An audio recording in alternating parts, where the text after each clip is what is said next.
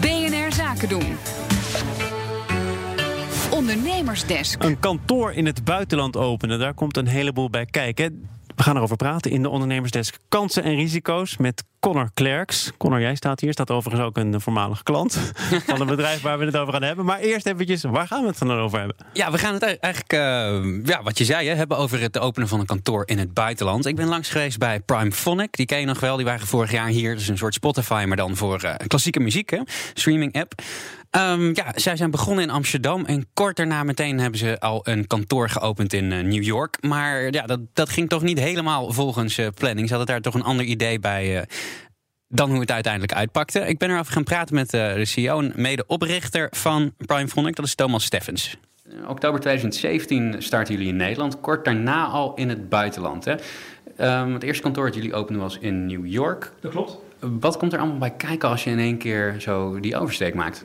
Um, dat is een goede vraag. Een aantal dingen. Eén, je moet natuurlijk gewoon een, locatie zoeken. Maar uiteindelijk, je doet het niet voor een pand zelf. Je doet het voor het team. Dus je moet vervolgens een team daar aan gaan nemen. Nou, dat, dat is allemaal nog redelijk. Daar sta je goed bij stil. Ik denk twee dingen waar je minder goed bij stilstaat. Is enerzijds dat je goed moet nadenken. Denken, welke activiteiten ga ik daar nou wel en niet doen? En daar kom je denk ik pas in de praktijk achter.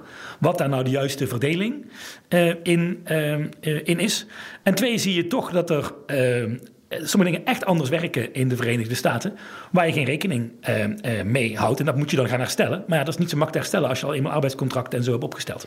Ja, als we even beginnen bij het eerste punt wat je maakt. Hè. Je moet eigenlijk een verdeling maken tussen uh, welke, welke um, onderdelen van mijn bedrijf laat ik nou in Amsterdam en welke ga ik in New York eigenlijk uitbouwen. Hè. Hoe maak je die verdeling? Nou ja, je, je begint op logica. En dan kom je vervolgens in de, in de praktijk achter dat die logica toch uh, imperfect is. Dus op een gegeven moment hebben wij wel geconcludeerd dat we eigenlijk toch alleen maar in Amerika willen doen wat echt niet hier kan. Dus wat echt lokale contacten vraagt om bijvoorbeeld een partnership die we met de New York Philharmonic hebben, om dat uh, af te sluiten. Of om daar uh, uh, bijvoorbeeld perscontacten te doen. We hebben bijvoorbeeld een artikel in de New York Times gehad.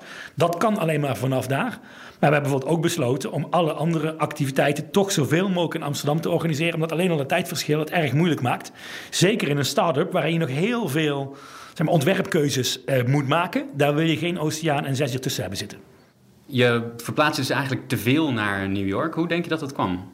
Um, nou, we hebben aanvankelijk te veel um, um, beredeneerd van dat je daar dan welke substantie je daar wil hebben. En vanuit de gedachte, Amerika is waarschijnlijk onze grootste klassieke muziekmarkt in de wereld. Dus daar moeten we succesvol zijn. Dus daar moeten we ook een behoorlijk deel van ons marketingteam hebben zitten. En we hebben eigenlijk pas in de praktijk geleerd dat we eigenlijk alleen dat in Amerika moeten doen wat echt niet hier kan. En dat al het andere we op één plek in de wereld doen voor de hele wereld. En dat betekent ook dat je dus dan nog een keer opnieuw naar je team moet gaan kijken. Dus als ik kijk naar mijn huidige team in, uh, in New York, is niet het team waarmee we begonnen zijn, omdat we ook voortschrijdend inzicht hebben gehad over wat dat team precies moet gaan doen.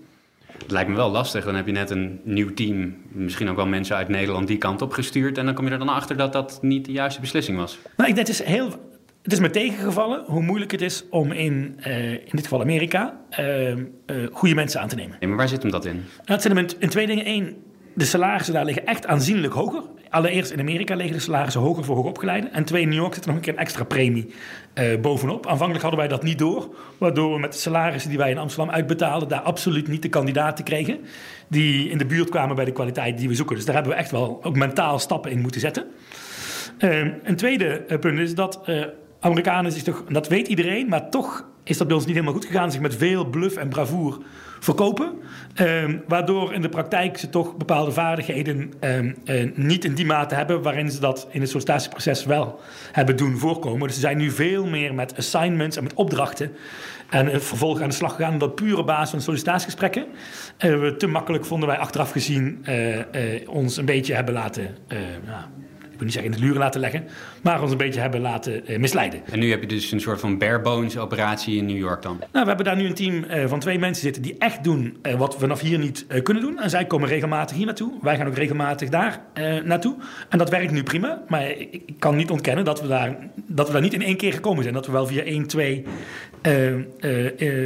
tussenstappen in het huidige model gekomen zijn. Zou je dat dan ook aan andere ondernemers die, die het soortgelijks overwegen, zou je dan aanraden om bijvoorbeeld met, eerst met een zo klein mogelijk team te beginnen? Ja, ik denk twee dingen. Eén, onderken dat je het niet kunt weten. En onderken dus ook dat je het waarschijnlijk niet goed gaat doen de eerste keer. En als je dat dan toch de realiteit is, dan kun je maar beter zo klein mogelijk beginnen. Want dan is de omvang waarop je fout kunt zitten, is gewoon kleiner. Connor Klerks in gesprek met uh, Thomas Steffenson, Prime Phonic. Ondernemersdesk Kansen en Risico wordt mede mogelijk gemaakt door Atradius. Verzekerd van betaling.